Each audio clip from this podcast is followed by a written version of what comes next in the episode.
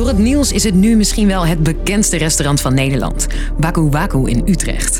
Je kan er vegan corn ribs, aubergine masala en strawberry panna cotta bestellen. Alleen nu even niet. Ja, ze zeggen dat ze moe zijn, dat ze verdrietig zijn. Ze uh, hebben gezegd dat ze niet willen meewerken aan de coronapas omdat ze niet willen discrimineren. De zaak moest sluiten van de gemeente omdat van de eigenaren tegen de regels in iedereen naar binnen mocht. Ook ongetest of ongevaccineerd. Ik vind het ook heel fijn dat er nu een ondernemer is die echt zijn rug recht houdt en zegt tot hier en niet verder. Al dagen verzamelen sympathisanten zich rond Waku Waku. Maar waarom precies?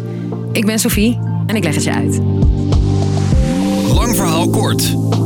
Een podcast van NOS op 3 en 3FM. Om uit te leggen wat er precies aan de hand is in Utrecht, gaan we twee weken terug in de tijd.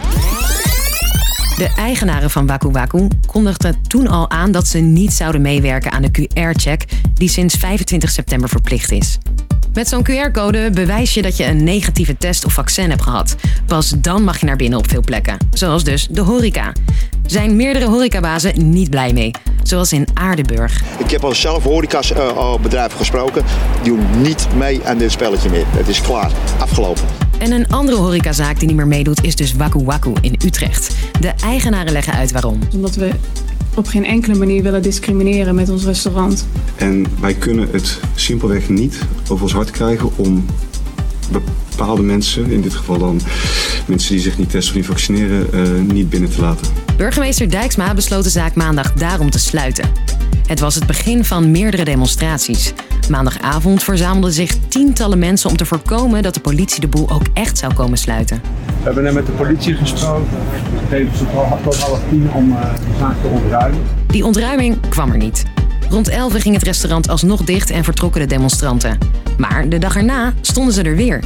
En inmiddels had de gemeente de sloten van het restaurant al vervangen. En daar kwam dus ook weer een tegenreactie op. Omdat ik geloof dat iedereen altijd welkom moet zijn. Die in de dagen erna aanbleef.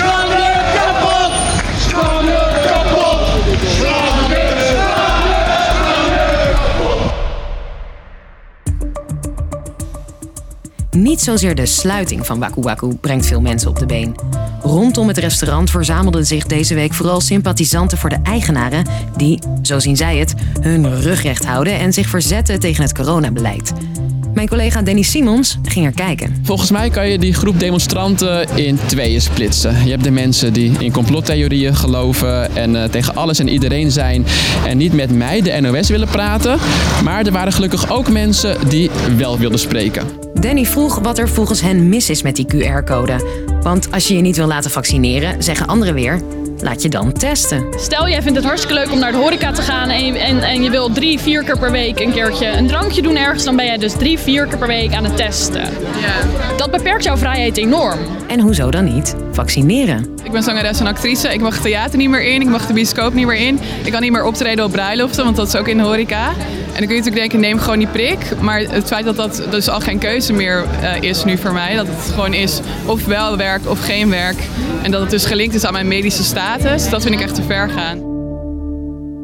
Waku Waku is deze week dus het middelpunt van de strijd tegen de coronapas. En er komt steun uit het hele land. Zowel fysiek, helemaal uit Venray... Omdat die mening ook in lijn ligt met mijn eigen mening... ...als digitaal. Er is een crowdfund-actie gestart om het gesloten restaurant te steunen, zegt deze verslaggever van RTV Utrecht. Dus ook daar wordt de sympathie uh, duidelijk gemaakt. Op het moment dat we deze podcast maken, gaat de teller al richting de 250.000 euro. Van in totaal wel 16.000 donateurs, die gemiddeld zo'n 15 euro geven. En terwijl die teller dus blijft oplopen, zitten de eigenaren, as we speak, in de rechtszaal, waar de rechter besluit of het restaurant weer open mag. Lang verhaal kort. De coronapas zorgt voor discriminatie op basis van je medische status, zegt Waku Waku. En aanvullend zeggen demonstranten: de coronapas tast je vrijheid aan. Dat is een discussie die in heel Nederland speelt, maar zich nu vooral centreert in Utrecht, omdat Waku Waku daar het symbool is geworden van de strijd tegen de coronapas. Of Waku Waku dicht moet blijven, dat is nog de vraag. De rechter buigt zich daarover. Wij gaan ons alvast buigen over een nieuwe aflevering, want morgen zijn we er weer, dus tot de volgende.